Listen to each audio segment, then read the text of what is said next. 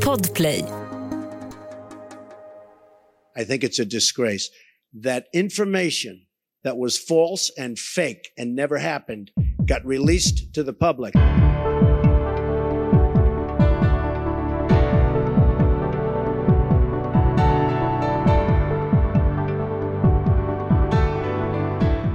Hallå i hörlurar, högtalare eller radio och välkommen till Sjuka fakta. Podden som försöker söka rätt svar på de myter och föreställningar om kropp och hälsa som cirkulerar på stan. Simon Krös heter jag som gör detta i hopp om att tillsammans med en ny gäst i varje avsnitt kunna slå fast vad som är sant, vad som är falskt och vad som av olika anledningar hamnat i gråzonen. Idag ska vi närma oss ett ämne som har motiverat äventyrslystna och spirituella människor i alla tider och som har varit inspiration till såväl tidiga civilisationers mytologi som kontemporära böcker och filmer. Vi ska prata om longevity, alltså att leva länge.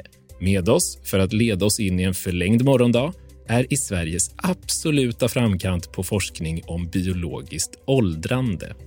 Hon tog sin magister i molekylärbiologi i början av 2000-talet och doktorerade senare i beräkningsbiologi vid Linköpings universitet. Hon fortsatte sedan sin bana med att forska på genetisk och molekylär epidemiologi vid Karolinska institutet med en kortare period som gästforskare vid Stanford University School of Medicine. Hon är idag docent i molekylär epidemiologi vid Karolinska institutet och leder en forskargrupp som fokuserar på biologiskt åldrande och åldersrelaterade sjukdomar. Varmt välkommen till Sjuka fakta, Sara Hägg. Ja, men tack så mycket. I intron här eh, så nämnde jag att du forskar på biologiskt åldrande. Vad är det för något? Biologiskt åldrande är helt enkelt den upplevda fysiska åldern i kroppen. Så att man pratar om, om funktionen av en kropp.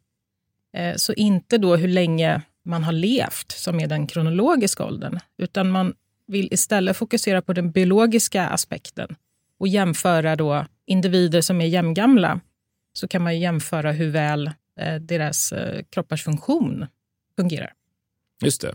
När vi planerade för det här avsnittet så nämnde du vikten av att skilja mellan longevity och healthy longevity. Ja, men longevity det definieras som en, en grupp människor som lever väldigt länge. Och Då vill man ju framför allt prata om att förlänga livet. Medan healthy longevity, då fokuserar man på de hälsosamma åren i livet. Och Det är egentligen det som forskningen mest fokuserar på, i alla fall den forskning jag jobbar med att man vill helt enkelt undvika sjukdomar och leva så länge som möjligt med bra hälsa. Att det är det som är målet, inte att egentligen leva längre, utan leva bättre helt enkelt. Hur kom du in på att forska på det här med biologiskt åldrande från första början?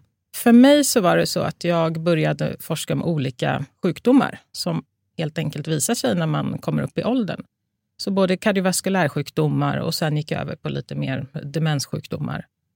Och samtidigt så började vi studera olika biomarkörer som hänger ihop då med åldrandet och kanske med olika då åldersrelaterade sjukdomar. Så sammantaget så blev det en större bild och då blev det naturligt att fokusera mer på det biologiska åldrandet som är, ligger som en orsak till många av de här åldersrelaterade sjukdomarna. Då. Så så kom jag in på det. Vad tycker du är det mest fascinerande med åldrandet? Ja, det är en bra fråga. Jag tror att det är helt enkelt är någonting som intresserar nästan alla människor. För att alla kommer ju åldras en dag.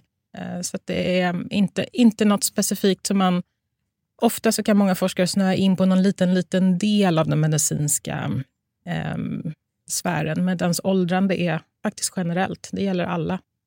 Ja, precis. Ingen så att säga kommer undan. Nej. Än så länge i alla fall. Än Vi får väl länge. se vad du har att berätta om vad framtiden har att utvisa.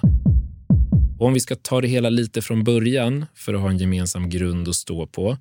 Hur länge har människan intresserat sig för åldrandet? Ja, det har väl egentligen, eftersom det är ett så generellt faktum att man åldras, så har det funnits i tusentals år kan man se historiska berättelser och en del myter också som har beskrivit olika personer som genom årtusenden helt enkelt intresserat sig för åldrandet. Så det är en, en, ett gammalt intresse som går igen. Just det. Och vad har det funnits för liksom, jag tänker så här, teorier eller eh, eller det som man tidigare kanske trodde var kunskap då, om att eh, motverka åldrandets effekt? Ja, jag har fått, eh, måste erkänna då, kolla upp lite, för det här är inte riktigt mitt område med his det historiska perspektivet så långt tillbaka. Men det finns ju massor med intressanta saker som olika personer, och då är det framförallt personer i maktställning som har gjort vissa försök då helt enkelt. Och man kan hitta mm, till exempel upptäcktsresande förr i världen trodde att man skulle hitta eh, ungdomens källa någonstans. Man letade efter den i Bahamas till exempel. Det finns mycket intressant bakgrund från eh, Kina också. Mycket traditionell kinesisk medicin och en del av de sakerna kan man återfinna också när det gäller åldrandet. Att man har provat olika saker. Både vad gäller olika kanske örter och behandlingar, kvicksilver till exempel. Men också olika tekniker, andningstekniker som man trodde var bra då för att förlänga livet på olika sätt. Så det, det, finns alla möjliga, i många fall väldigt konstiga experiment som man har testat genom åren. Med lite bakgrund i ryggen så ska vi nu ta och dyka ner i detta till synes oändligt djupa område som både potentiellt tros kunna rädda mänskligheten i dess strävan att resa från vår planet och samtidigt potentiellt orsaka oanad stiltje i vår utveckling så som bara en 200 år äldre chef med tillhörande värderingar skulle kunna göra. Och som i alla samtal, de flesta i alla fall, så börjar vi med ett antal större föreställningar som får agera lite kompass och som vi sen kommer tillbaka till på slutet för att se om vi har lyckats bli klokare på området.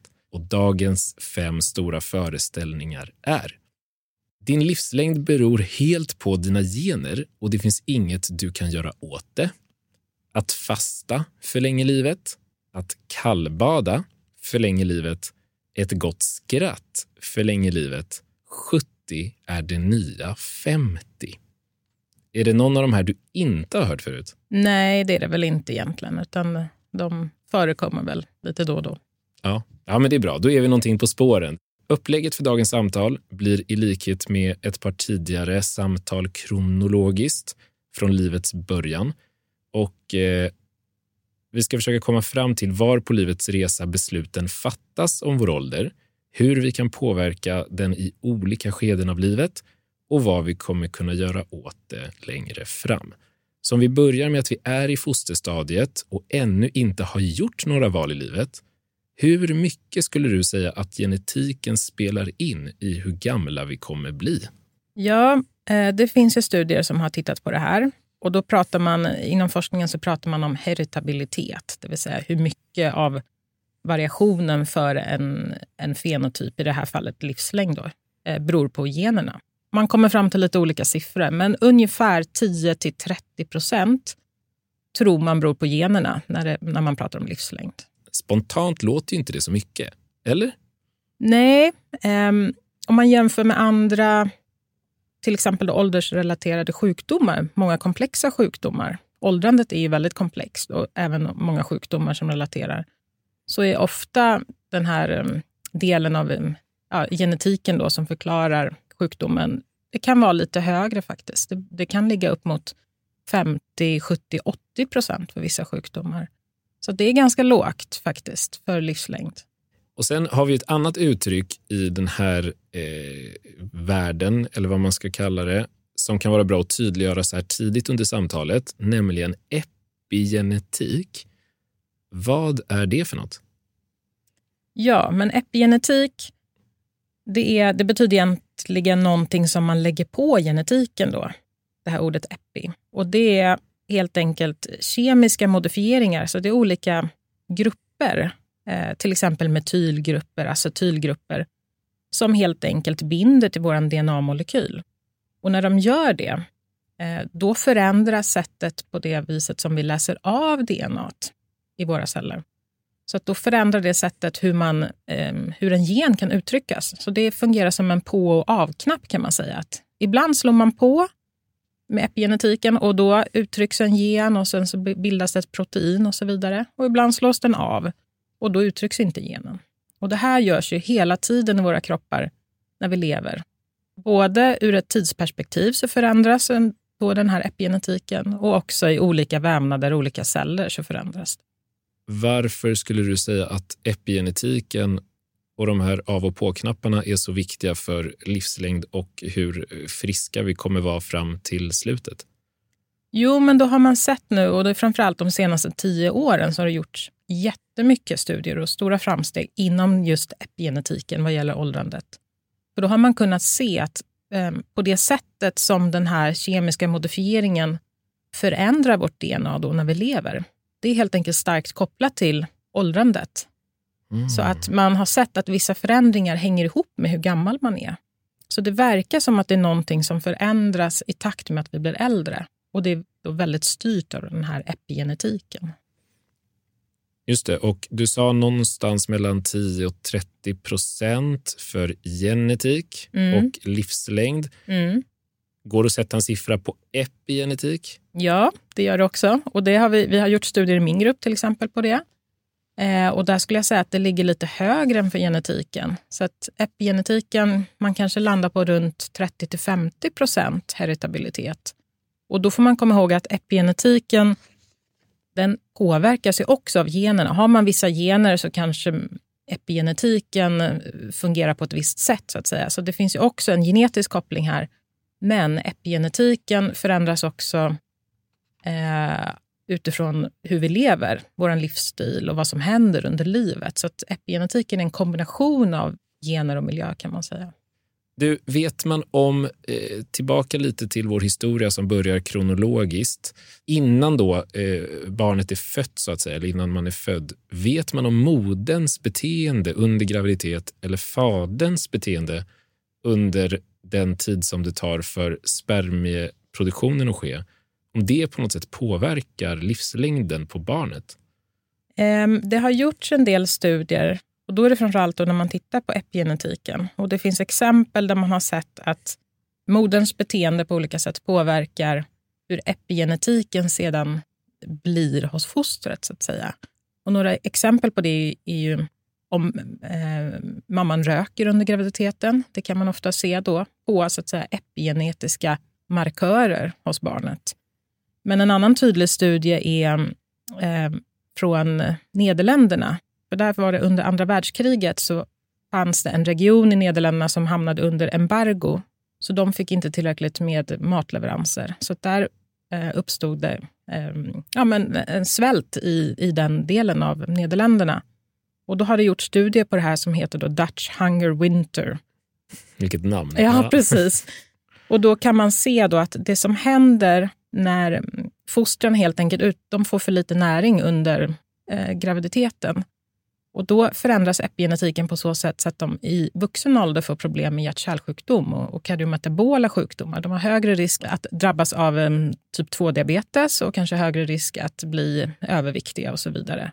Och det här tror man då styrs eh, delvis då genom den här epigenetiken och på grund av att de utsattes för eh, svält och för dålig näring i, i fosterstadiet. Så det är ett typexempel på hur mamman, mammans beteende eller ja, miljöpåverkan helt enkelt fostrar, eller påverkar fostret. Och i slutändan då, det är klart att drabbas man av typ 2-diabetes och hjärt-kärlsjukdom så lever man kanske kortare än, än den motsvarande populationen. Då.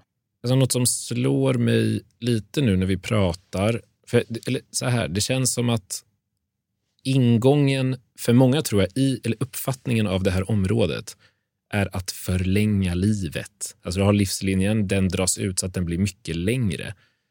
Medan vi nu ganska tidigt har kommit in på det här med sjukdomsprevention, motverka sjukdomar som i sin tur kan göra att man dör för tidigt och på så sätt liksom kortar livslängden.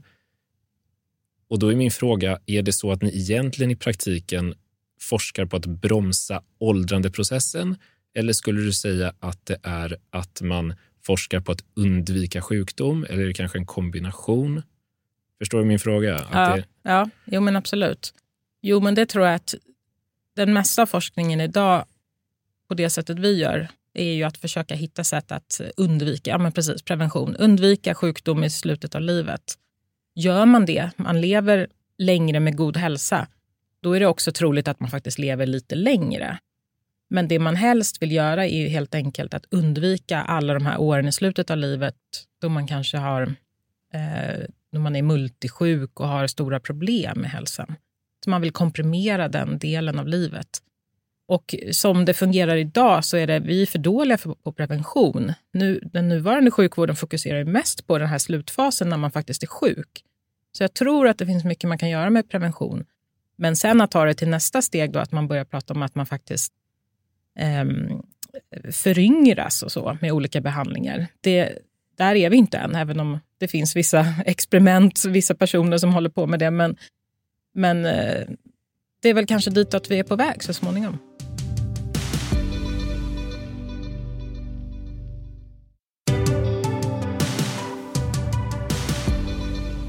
Det finns ju en annan intressant ingång i detta också, tänker jag, eh, kring det här med åldern, åldrande och sånt som folk vill påverka. Och det är det här med utseende. För det finns i samhället, och nu kan man, ja, jag vågar nog ändå generalisera att det kan finnas någon typ av besatthet hos många att se ung ut så länge som möjligt. Och om vi då lämnar operationer och andra metoder som bara ändrar utseendet på utsidan och inte insidan, kan man säga att någon som ser yngre ut än sin ålder också kommer att leva längre än genomsnittet? Ja, det är en rolig fråga. Och eh, det, och det, det finns faktiskt studier på det här. Och Det är framförallt några grupper i Danmark som vi samarbetar med som har gjort studier på det här. Och Då har de helt enkelt eh, i sina eh, forskningspopulationer då, där de följer personer som åldras, då har de tagit kort på personerna och sen har de um, bett eh, andra personer att bara titta på, på fotona och bedöma deras ålder. Och Då kan man sen räkna på det här. Man jämför hur personer bedömer deras ålder och mot deras faktiska ålder. Och Då kan man se det som en markör för, eh, det är också någon slags biologisk markör för åldrandet. Och Det visar sig då att ja, det är kopplat till åldrande och till, till för tidig död. Så att personer som ser äldre ut än sin faktiska ålder ja, de är biologiskt sett lite äldre i sin funktion i kroppen och därför så lever de kanske inte riktigt lika länge som andra jämnåriga. Så det finns faktiskt koppling på det här. Och då är det viktigt igen att säga att det är på gruppnivå. Alltså det kan ju såklart vara stora variationer om man bara tittar på en individ i taget. Just det, så om man hör det här nu och känner sig ung, då kan man kanske klappa sig själv på axeln. Men om man tycker att man ofta för att man ser äldre ut än sin ålder måste man inte bli orolig. Nej, nej. Eller hur? Så det kan vi kanske sammanfatta det. Absolut. Ja, och så om vi släpper utseendet för en sekund och eh, går in på känslan eh, så finns det ju de som inte ser särskilt unga ut kanske, men som beter sig som om de vore 10 till 20 år yngre. Och då undrar jag såklart, finns det någon koppling här till livslängd och hur man känner sig? Det finns eh, väldigt mycket studier och markörer som ja, självskattad hälsa helt enkelt. Det är väl en av de saker som jag tror att många läkare frågar sina patienter. Hur mår du idag? Hur skulle du skatta din hälsa på en skala från 1 till 10? Och det visar sig då att återigen, om man inte pratar om bara en enskild individ utan man tittar på stora grupper där man kan räkna statistik, så är det också kopplat till, till um, åldrande och till dödlighet till exempel. Att skattar man sin hälsa väldigt dåligt ja, då är man förmodligen ganska sjuk och man kommer inte leva lika länge eh, och så vidare. Så den kopplingen finns absolut. Sen har man även gjort studier där man försökt titta på hur man, ja, var lite inne på hur man klär sig, hur, alltså mer beteende kanske. Om man klär sig ungdomligt och så vidare. Men där verkar det inte finnas några som helst belägg för att det är kopplat till hur man sen, hur länge man lever eller vilken hälsa man har. Det är mm. kanske mer önsketänkande då. Ja, ja, ja kanske. Eh, ja, men spännande. Jag visste inte alls hur de här frågorna skulle falla ut innan vi satt oss idag. För att det känns som att det finns gott om dem som i ens bekantskapskrets som kanske beter sig antingen lite äldre eller yngre eh, med marginal då, så att det noteras än vad man faktiskt har på pappret kronologiskt. Eh, och samma sak med utseende. Då. Det det som, de som ser mycket yngre ut än vad man hade tänkt sig och vice versa. Och om det hade någon effekt. Eh, men de här sakerna kan vi inte riktigt påverka särskilt mycket. Och då tänker jag ju att vi kanske ska ta och fokusera lite på saker vi faktiskt kan påverka och som kan spela stor roll. Och vi har redan tidigt i introt snuddat vid det här med rörelse, träning och eh, Jag tänker att om vi ska ta de två stora kategorierna av beteende som ofta ger upphov till hetsk debatt om åldrande och hälsa så är det just träning och kosten. Och om vi börjar med kosten, vad vet vi om kostens kopplingar till livslängden? Det är en väldigt bra fråga och en väldigt stor fråga också, såklart. Sorry. eh, vi kan ju börja med att prata lite om de här blå zonerna kanske. Det är några olika platser i världen där man har sett att personer lever extra länge.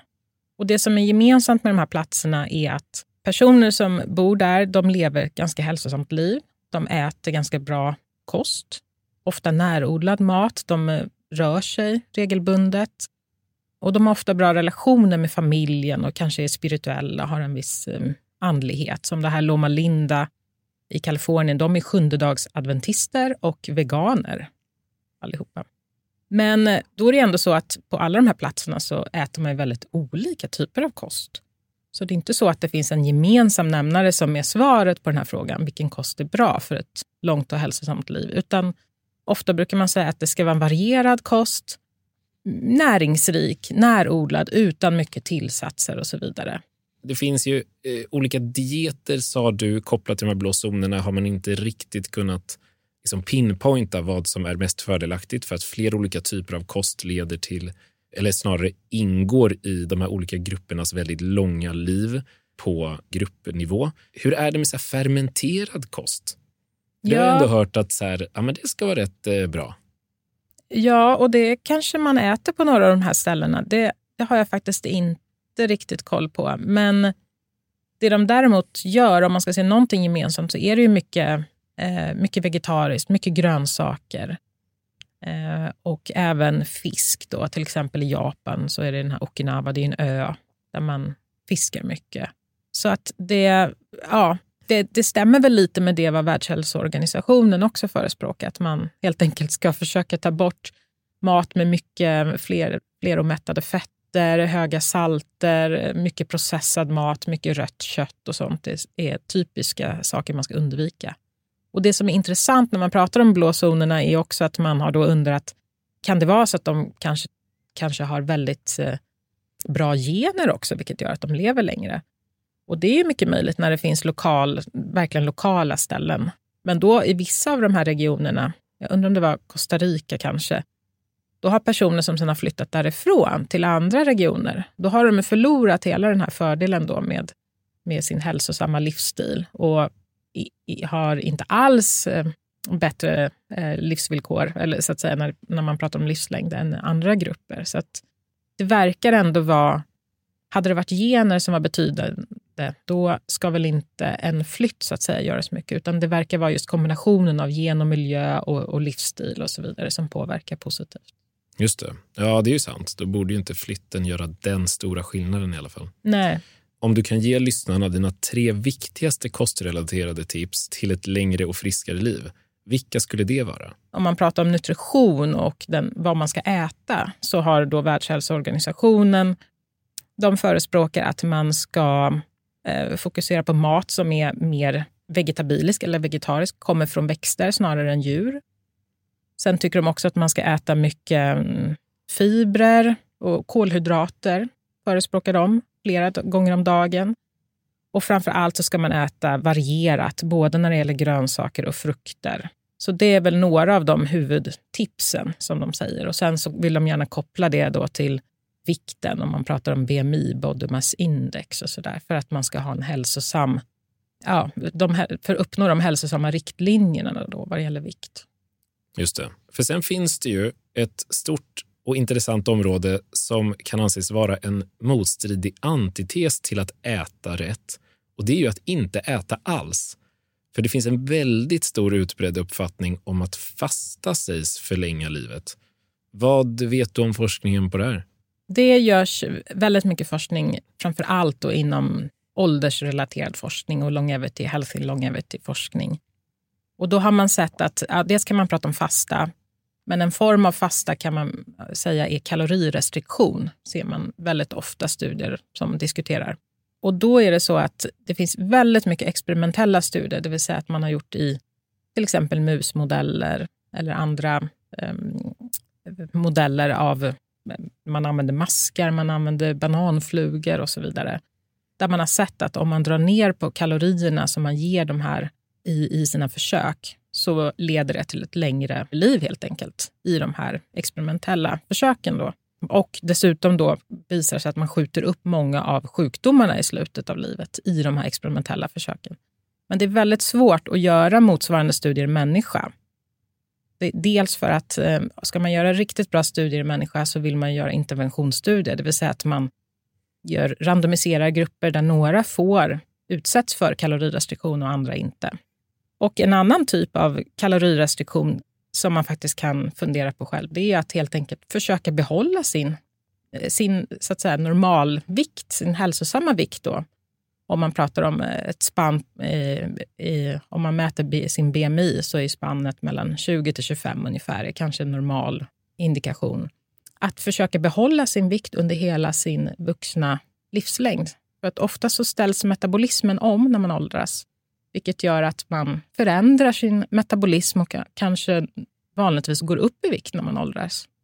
Men kan man då istället behålla samma BMI under den här tiden, då är det också ett sätt av, av att uppnå någon form av kalorirestriktion.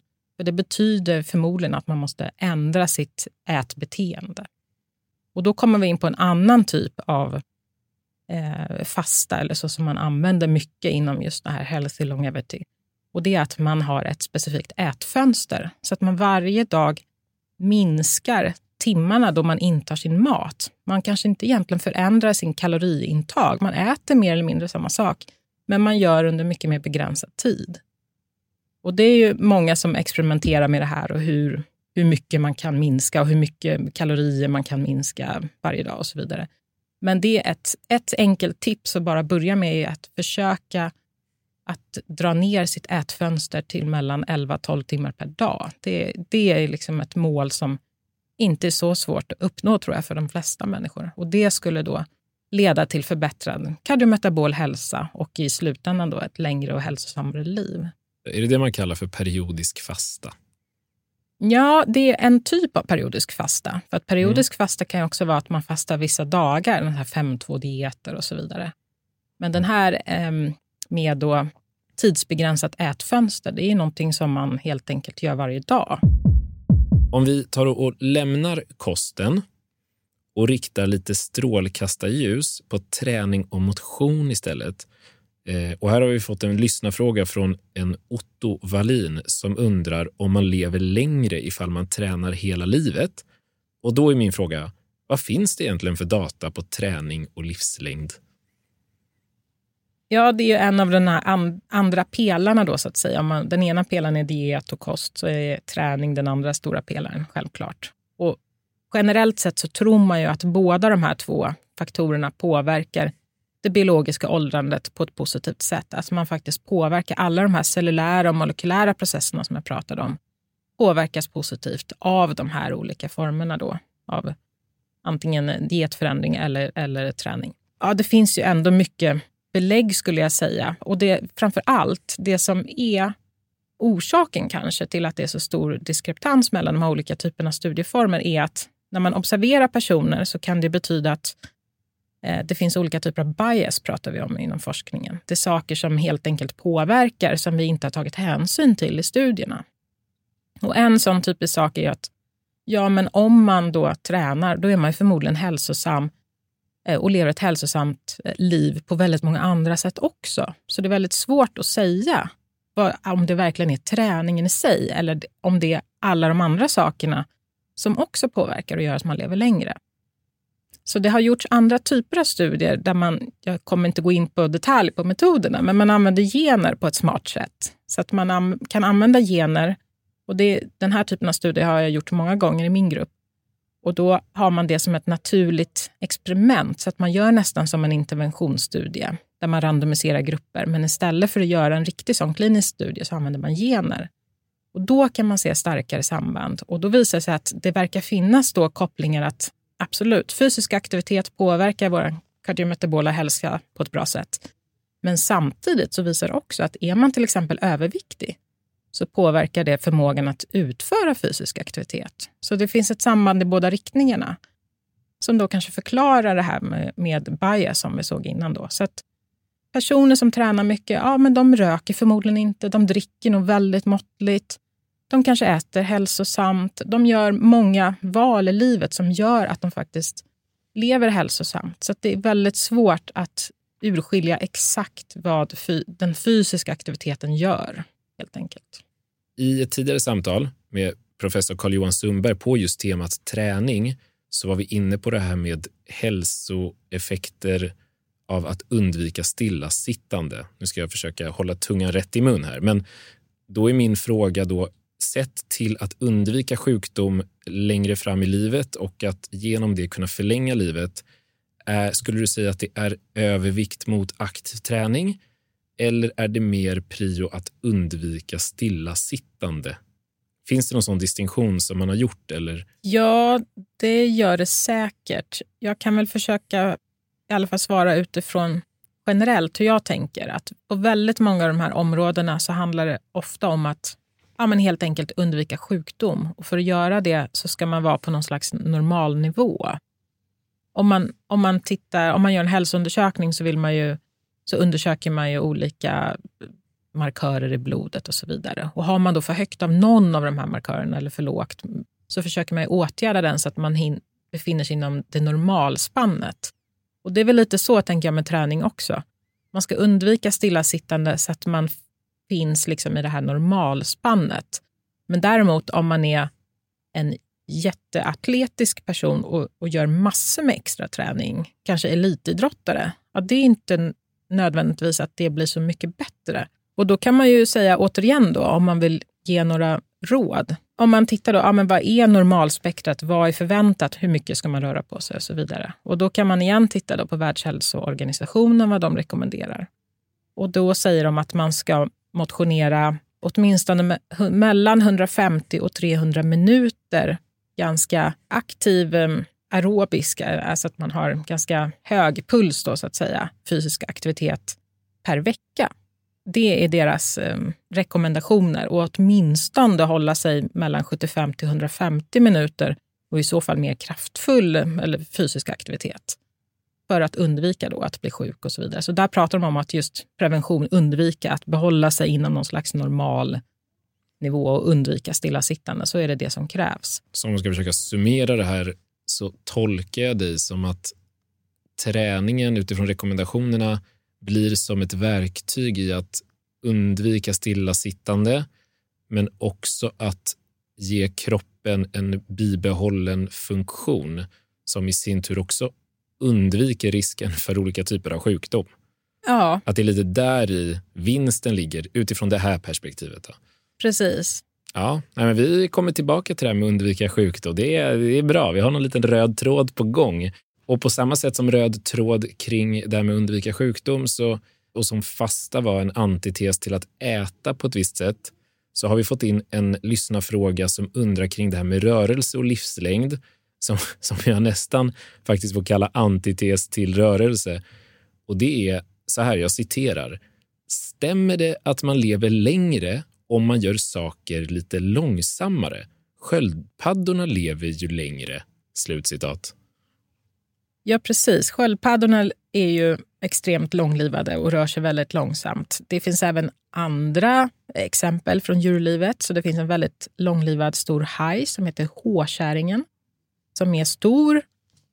Man tror att den kan leva upp till 400 år kanske. Den rör sig långsamt, lever på kallt, i kallt vatten eh, långt ner i stora hav. Jag tror att det var så den blev könsmogen vid 150 års ålder. Så de, den lever Oj. verkligen långsamt. så i, i de här fallen så stämmer det ju utifrån djurlivet om man tittar. Eh, och det som det handlar om egentligen är väl att man ska helt enkelt spara på sina resurser. Och lyckas man spara på resurserna under en väldigt lång tid, eh, att de går åt långsamt, och så, ja, det är klart, då lever man längre. Då har man ett längre liksom, perspektiv. Um, och här finns det eh, faktiskt en intressant könsskillnad om man pratar om människor. För att ofta så är eh, och det, det, det, finns ju väldigt många olika teorier om åldrande och bakgrunder. Och Det finns en teori som heter då sexual antagonistic pleiotropy. Och Det betyder då att det finns en skillnad hur man eh, gör olika saker mellan män och kvinnor. Så att män har på något vis optimerat sin livslängd för att de ska vara så fysiskt aktiva och attraktiva när de når då reproduktiv ålder, för att det är då de ska hitta någon och, och skaffa barn med helt enkelt. Det är så vi är uppbyggda som eh, varelser, som djur. Medan kvinnor då är uppbyggda lite mer att ja, men de ska spara på sina resurser lite längre, för att de måste ju faktiskt överleva och eh, är i första hand den då som tar hand om barnen när de väl har fötts. Så att det här kan man se intressanta könsskillnader i om man tittar återigen på cellulära och molekylära processer och biologiskt åldrande så har män lite högre biologisk ålder än kvinnor generellt sett om man tittar på gruppnivå. Och Det kan ju också kopplas då till att män lever generellt sett lite kortare än kvinnor. Eh, och då på något vis då i den här då att, att kvinnor egentligen lever lite långsammare då cellulärt sett än vad män gör. Att det finns någon koppling i det här. Men såklart så är det ju ändå så att eh, man kan se det på ett annat sätt också. En av markörerna som är kopplade, en, en bra mätmarkör i studier kopplat till åldrande är till exempel gånghastighet, hur snabbt man rör sig. För då kan man ju tänka sig, om man tänker gamla individer, ja men de går väldigt långsamt, rör sig sakta och så här. Det har ju med funktion av kroppen och biologiskt åldrande. Så det är klart att ju långsammare man går, desto äldre och skörare har man blivit. Och det leder ju då till att man har ja, större risk att dö i, i, i mm. närtid.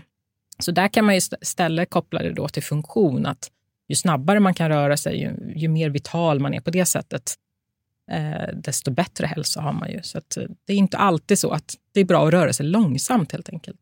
Du, eh, innan vi lämnar träning och motion, vilka tips skulle du säga är förenliga med att ge bästa möjliga förutsättningar på det området när det gäller att försöka åstadkomma ett längre liv? Ja, vi får väl gå tillbaka till det här temat då, att undvika sjukdomar. Och det är mycket, mycket problem idag. Man pratar om eh, fetmaepidemi och så vidare. Att vi har problem med diabetes och, och hjärt-kärlsjukdomar. Och för att undvika det då, ja, men då ska man ha en bra metabol hälsa. Och då lever man också längre om man gör det. Vi har sett i studier att det finns Eh, undviker man diabetes så har man verkligen bra potential att förlänga då sina hälsosamma år och så vidare. Och då är det väl, går man tillbaka till det här med fasta och, och diet och så vidare, att försöka äta mer hälsosamt och framför allt att undvika då äta kvällstid och sådär. Det tror jag är ett ganska bra och handfast tips som jag tror att man använder för diabetespatienter med, med positiva resultat också. Det är en utmärkt cue faktiskt, därför att nästa del som kanske är lite mer kompakt eventuellt, men som jag som läkare i min vardag stöter på ganska många frågor kring. Det är olika typer av läkemedel som på något sätt kan då återigen försöka förhindra sjukdom eh, på äldre dagar och på så sätt kanske också resultera i att vi lever längre. Och det första läkemedlet som också är något som återkommer ofta i samtal är Metformin som faktiskt är diabetesmedicin. Först och främst, om jag nu ska hitta på här på stående fot en fråga kring det här, men kan man använda läkemedel idag generellt för att i snitt då leva längre? Och eh, hjälper Metformin för detta ändamål? Ja, det är en, absolut en aktuell fråga och det är inte bara Metformin utan det finns ju en hel del läkemedel som förekommer i de här, i de här kretsarna helt enkelt. Vad gäller Metformin, det är ett väldigt säkert läkemedel. Det har funnits på marknaden sedan 90-talet för att just behandla diabetes. Det är första eh, typen av behandling man ger till typ 2-diabetiker som behöver läkemedel. Och Det man egentligen försöker förstå är hur Metformin fungerar rent mekanistiskt sett. För man vet inte egentligen alla detaljer. Det slår väldigt brett på olika sätt och det slår på just um, olika funktioner runt metabolism i kroppen. Så det kan säkert ha väldigt många olika effekter som kan vara då positiva på olika sätt. Och därför har man också trott att Metformin kan vara ett sånt läkemedel som i, i förlängningen kan vara bra för att um, bromsa åldrandet då helt enkelt och göra att man lever längre. Så att jag skulle säga att i USA så finns det många forskare som säkert själva tar det här läkemedlet. Men det finns ett stort men och det problemet idag är att åldrande är ju inte klassat som en sjukdom.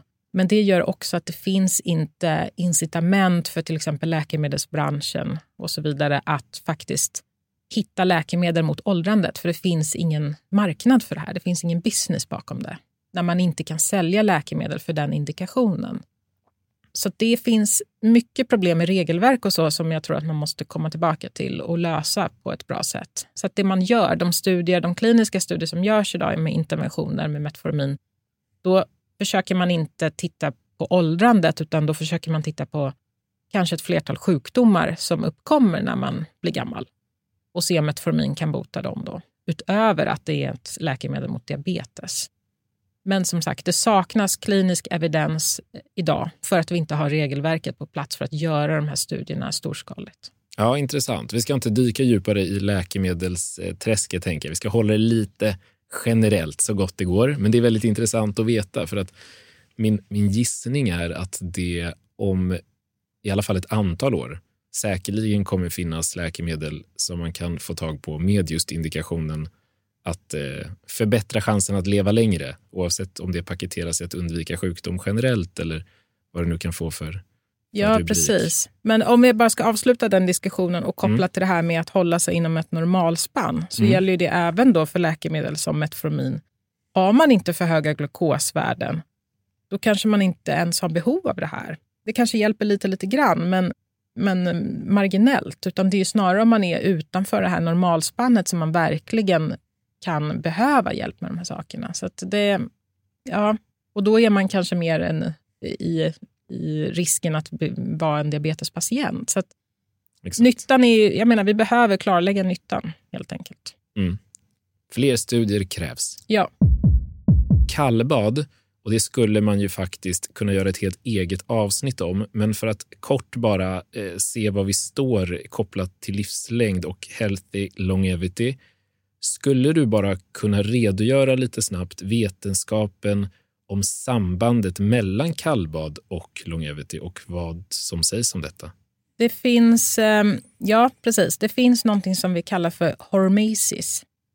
Eh, och det är helt enkelt ett fenomen där man ehm, man får någon typ av behandling eller stimuli ehm, eh, med någonting som egentligen är giftigt för oss, eller det är dåligt för oss. Men om man får det i en liten, liten dos så kan det istället få en positiv effekt. Och Det finns väldigt många exempel på den här typen av saker. Och Då skulle jag säga att kallbad är en typisk eh, hormetic faktor helt enkelt. Vilket betyder, jag skulle vilja sätta bastubad i samma eh, mm. andetag. Där, att mm. Vi utsätter kroppen för någonting som i, i långa loppet, om man skulle göra det här under lång tid, är det ju faktiskt någonting som är extremt farligt för kroppen. Jag menar, badar man i, i, i kallbad i, kallt vatten, det, jag vet inte hur lång tid det tar innan kroppens funktioner, man, blir, man får för kall kroppstemperatur, då slutar ju kroppen att fungera sen. Och då dör man. Så det förstår ju alla att det inte är någonting man kan göra i längden.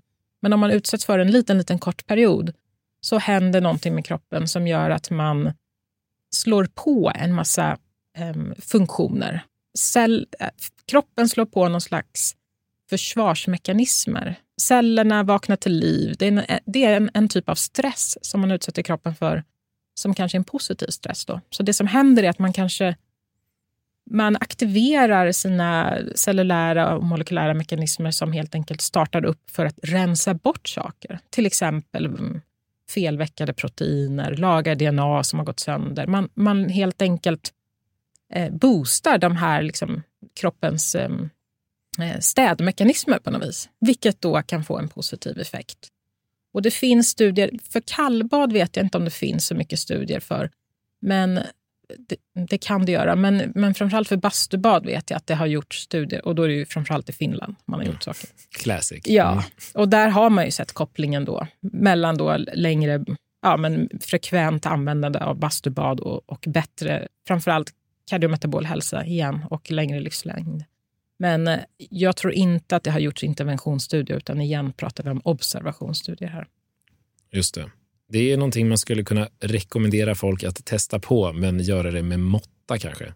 Ja, det, det tror jag man kan säga. Om, man, om det känns bra så kan det ha en positiv effekt. Vi vet inte riktigt, men det kan vara så. Mm. En av våra stora föreställningar för dagen är det klassiska uttrycket ett gott skratt förlänger livet. Sant eller falskt? Ja, får jag nog säga. Oj! Härligt, då förlängde vi precis livet en liten pyttesmula. Men, men vad, är det humör och eh, livslängd man har tittat på då, eller vad är det för något som... Ja, och så, alltså, nu får vi återigen säga då att det bygger på observationsstudier. Hur skulle man göra en bra klinisk studie på det här? Det är väldigt svårt. Men det man har sett är att om man eh, skrattar mycket så det utsöndras väl olika typer av eh, enzymer och så i kroppen som minskar smärta. Det minskar också risken för depressioner. Man ökar blodflödet helt enkelt i kroppen. Att man får liksom positiva effekter. Så. så det finns studier där man har tittat, eh, observationsstudier då, och sett kopplingar till om man har rapporterat hur mycket man skrattar under en viss period och sen kopplat det till livslängd. Att det absolut har en positiv påverkan. Sen kan man också säga att socialt sett, eh, att ha ett socialt ganska rikt liv är också viktigt för åldrandet.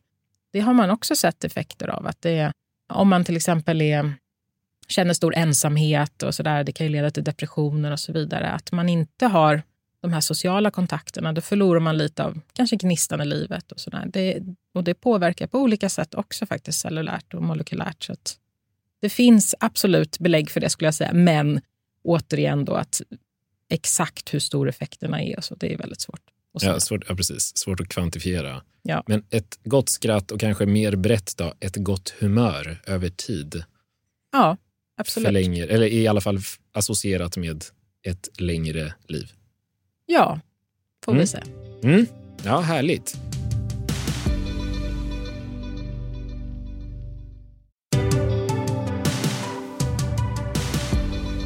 Om vi är tillbaka i vår berättelse. Nu har vi faktiskt kommit ut i världen och den genetiska uppsättningen är på plats oavsett om mamma och pappa rökte eller inte.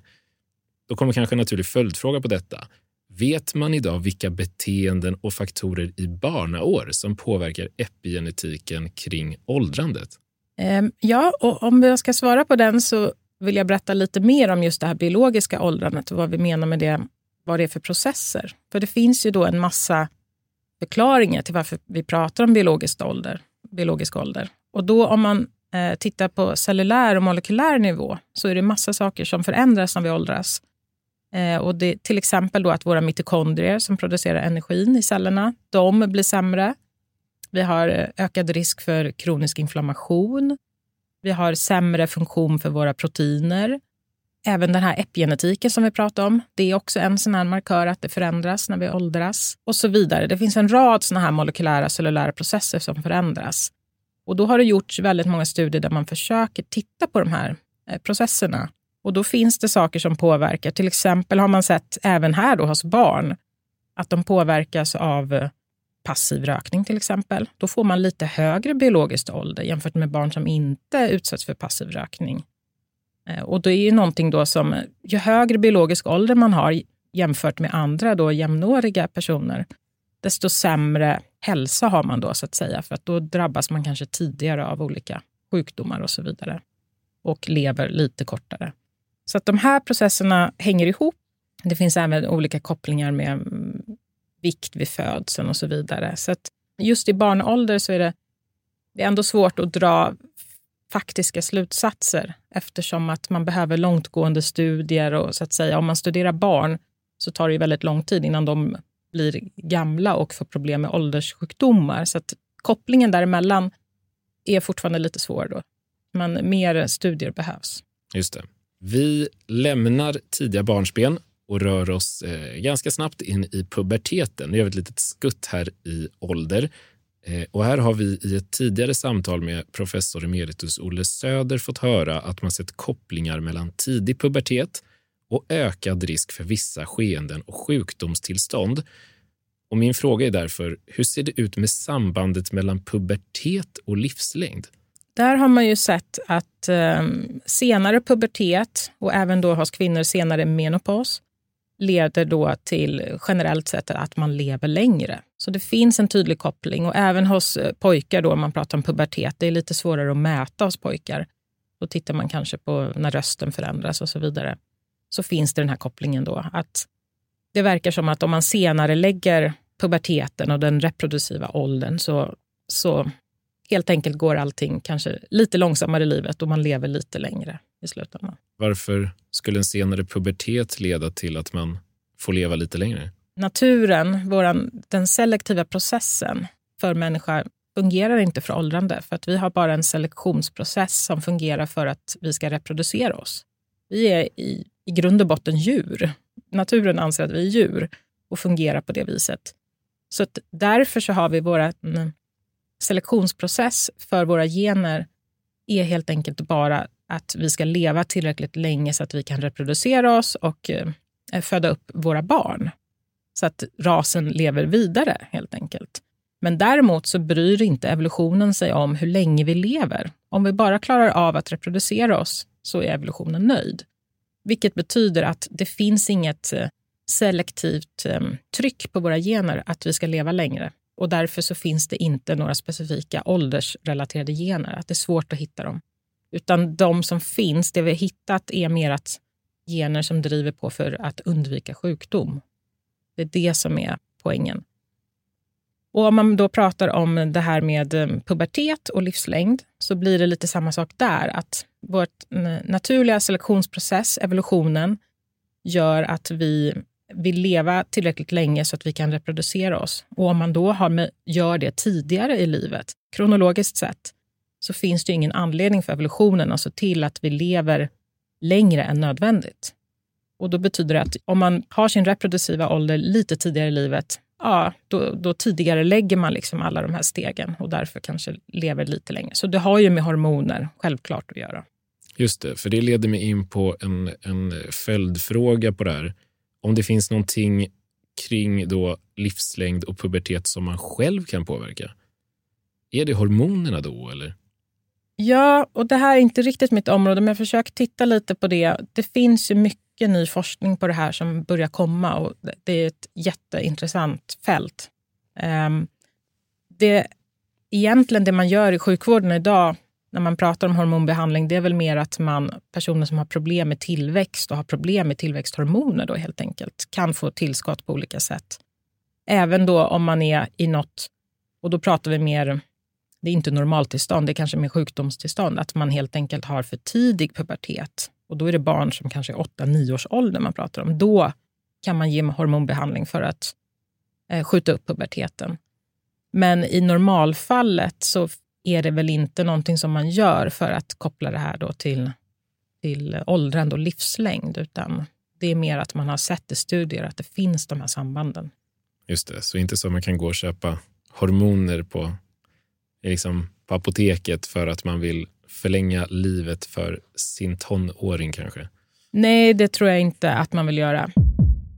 70 är det nya 50. Utifrån biologisk ålder skulle du säga att det finns någon sanning i det? Ja, men det tycker jag.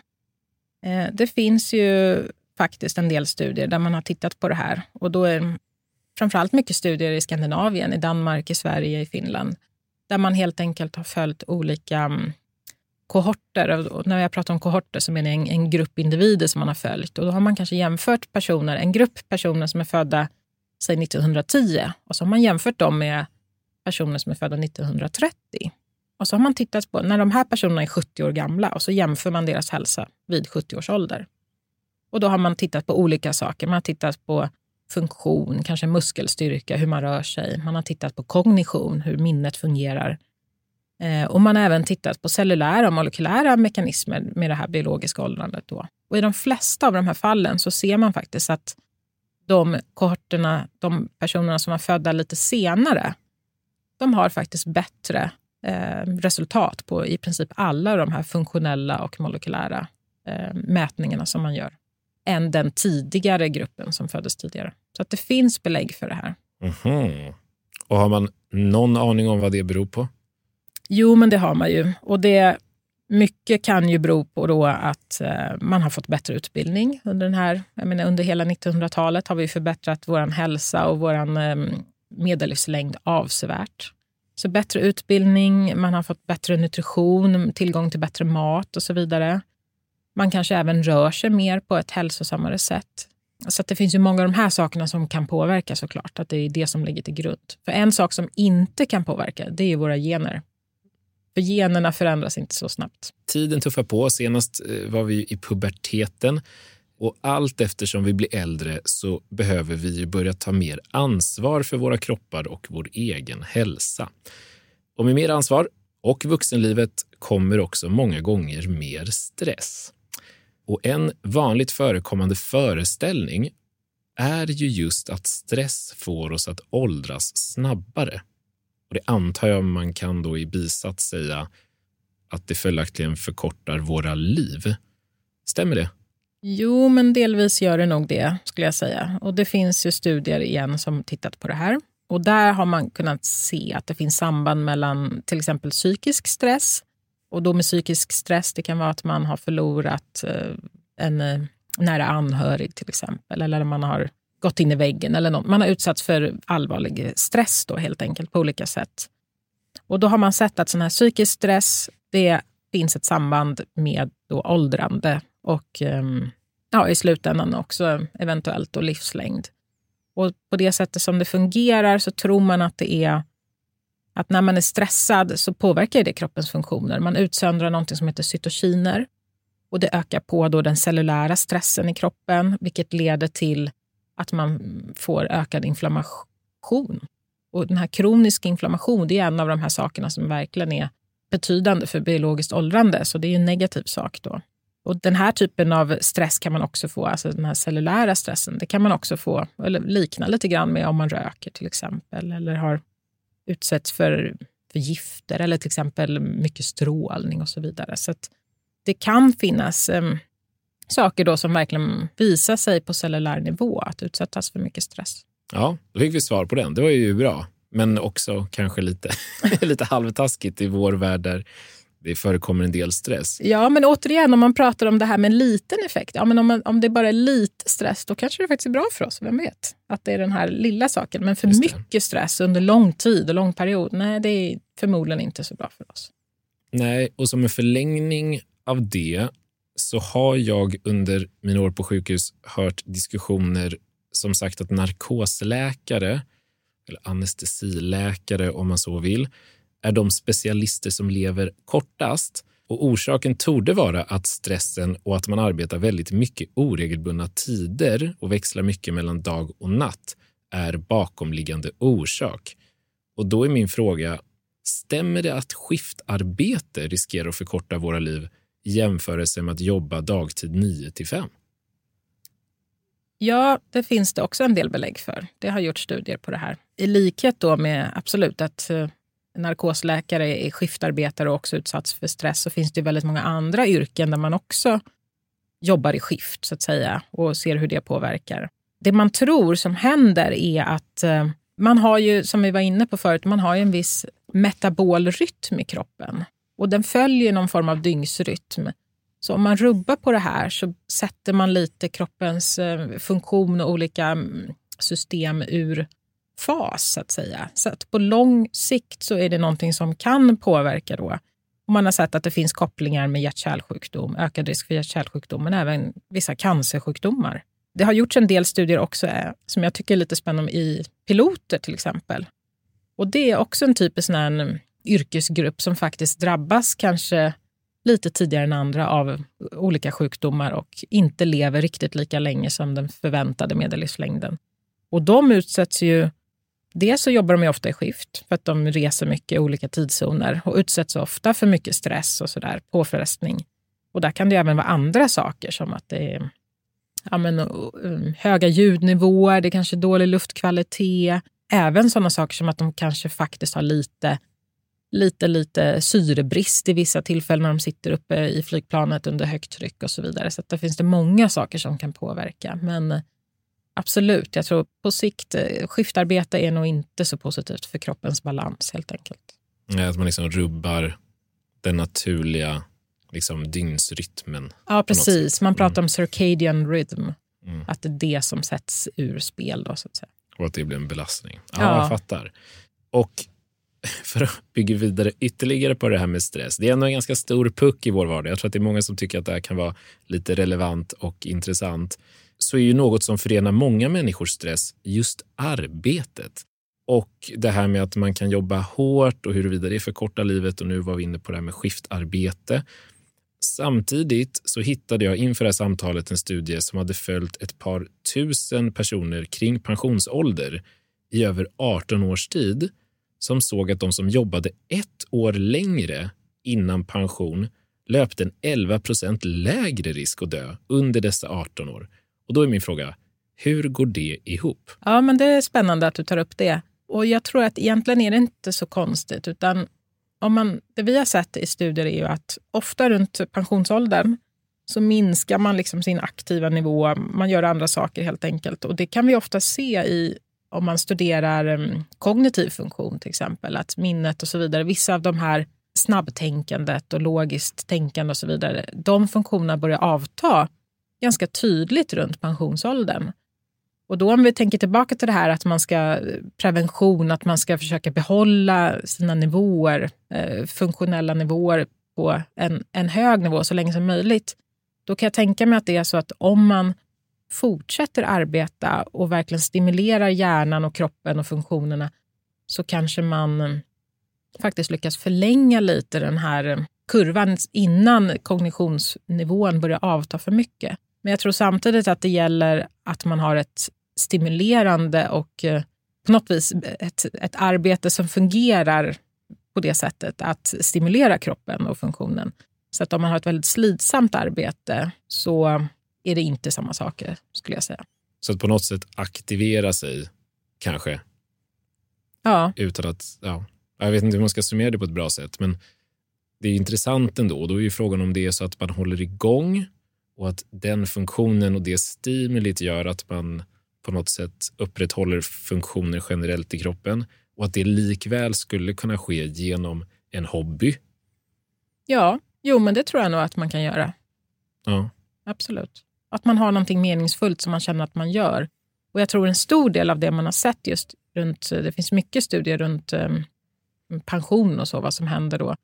Det är väl också att man känner att man gör någonting meningsfullt. Att man får man får eh, välja själv helt enkelt. Jag tror att de som fortsätter efter pensionsåldern de har valt det själva. Det är ett aktivt val och det tror jag påverkar jättemycket också hur man upplever det själv. Vi ska sakta röra oss vidare. Vi ska snart summera dagens samtal. Men innan dess har jag förberett några frågor om framtiden som jag skulle vilja få hjälp med att besvara utifrån din mångåriga kompetens och erfarenhet på det här området. Och då är min första Tror du att världens första 200-åring är född? Nej, det tror jag inte.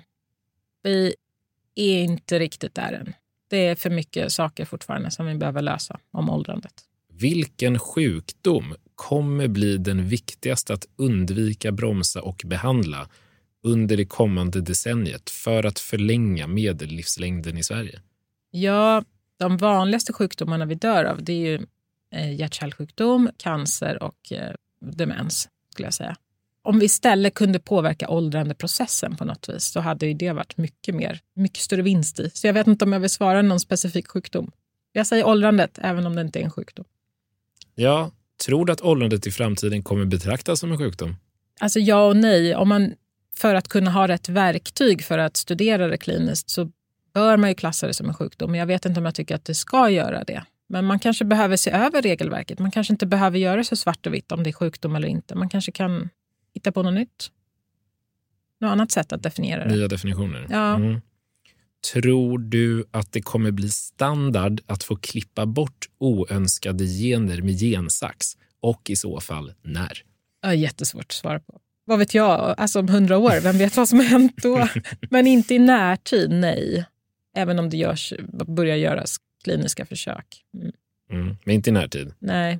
Nej. Vilket år tror du att... Det låter som att jag är typ Jeopardy eller så här, På spåret eh. Vilket år tror du att människan kan komma att börja föryngra sig själv?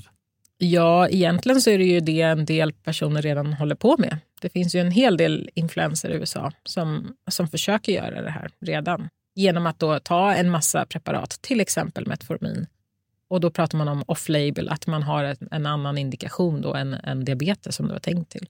Och då hoppas man att man föryngrar sig och, och så vidare och har sett indikationer då på att deras epigenetiska klocka går tillbaka och så vidare. Så det är väl på ett sätt att säga att de har föryngrat sig delvis. Men om det sen faktiskt också leder till att de lever längre än vad man skulle, skulle ha gjort annars, ja, det är jättesvårt att svara på. Så att, eh, jag tror nog att vi kommer se det. Mm. Okay. Så det är nästan redan lite igång, eventuellt? Ja, en, en del eh, försöker ju i alla fall. Mm. Ja. Och den kanske känsligaste frågan av alla, vi avslutar stort där. Vilken pensionsålder tycker du att vi borde ha för vår generation utifrån ett hälsoperspektiv, givet vår estimerade livslängd och hälsostatus om 20 till 30 år? Ja, men det kanske ska baseras då på um, en viss typ av biologisk ålder istället för kronologisk ålder. Och då i kombination med kanske vad har man för yrke, vad tillhör man för socioekonomisk eh, gruppering eller på något vis att det blir en form av rättviseaspekt i det här. Just det, så kanske en individualiserad pensionsålder? Ja, varför inte? Det tror jag är många försäkringsbolag som skulle vara intresserade av. Ja, vi, vi är nog något på spåren. Det, var lite, det är en twist där. Ja. Sara, vi ska börja runda av och tacka för idag. Men innan vi gör det får vi inte glömma att återkomma till våra stora föreställningar som vi började med för att se vad vi har lärt oss idag. Din livslängd beror helt på dina gener och det finns inget du kan göra åt saken. Nej, det är ju inte sant. Nej. Att fasta förlänger livet. Ja, det får vi väl säga delvis. Mm. Att kallbada förlänger livet. Ja, men kanske. Möjligt. Ja, det är ändå åt det positiva. Liksom. Ja, men lite positivt. Ja. Ett gott skratt förlänger livet. Jo, men det tror jag. Absolut. Socialt liv är viktigt. 70 är det nya 50. Ja, det får vi säga. Även om det inte skiljer 20 år i de här studierna. Men, men lite åt det hållet. Om du får skicka med en enda förändring som du skulle vilja uppmana människor att implementera i sina liv för att från och med idag möjliggöra för ett längre och friskare liv. Vad skulle det vara? Bara en enda förändring. Man får inte föreslå många saker då. Jo, du får slänga in ja, okay. tre ja. kanske. Jag vet inte, ja. många du känner för. Nej, men det är väl de här benen då, att försöka ha någon form av fysisk aktivitet varje vecka. Att det är viktigt att röra på sig såklart. Eh, och eh, ja, men äta lite mer hälsosamt. Kanske tänka lite mer åt eh, vegetarisk kost och den, den biten. Inte så mycket processad mat och sådär. Och framför allt det jag tycker är, faktiskt fungerar ganska bra för mig. Det är just det här med ätfönstret. Att undvika att äta sent på kvällarna eh, innan man ska gå och lägga sig. Utan försöka äta det man vill äta under dagen under så pass kort tid som möjligt. Just det. Jag frågade ju tidigare om världens första 200-åring var född och då sa du nej. Ja. Tror du att vi kommer komma till en punkt där människan kan leva för evigt? Nej, jag vet inte. Jag är positiv, men, men nej, jag kan inte se det framför mig. Man kan leva längre, men... Eh, men, men inte oändligt? Inte oändligt. Nej, det får vi säga nej på. Det verkar ju för otroligt. Ja. Sara, med de orden, stort tack för att du ville vara med och gästa Sjuka fakta idag och för din kompetens på området och för att du har hjälpt mig och lyssnarna att lära oss mer om hur vi kan förlänga våra friska liv och var gränsen faktiskt går. Tack så mycket. Tack, tack. Det här var Sara Hägg om longevity. I nästa avsnitt så kommer vi att få bekanta oss med ett annorlunda ämne för podden men som ändå i allra högsta grad handlar om våra kroppar, nämligen språk. Kommer rikssvenskan verkligen från Uppsala? Stämmer det att det är lättare att lära sig fler språk när man redan kan några? Och lär sig danska barn att prata senare? Om detta och mycket mer då. Har du kommentarer, tankar, idéer så är jag alltid tillgänglig via Instakontot Sjuka Fakta Podcast eller via mejl på kontakt sjukafakta.se. Tills nästa gång vi hörs, må gott, live strong och tro inte på allt du hör. Podplay, en del av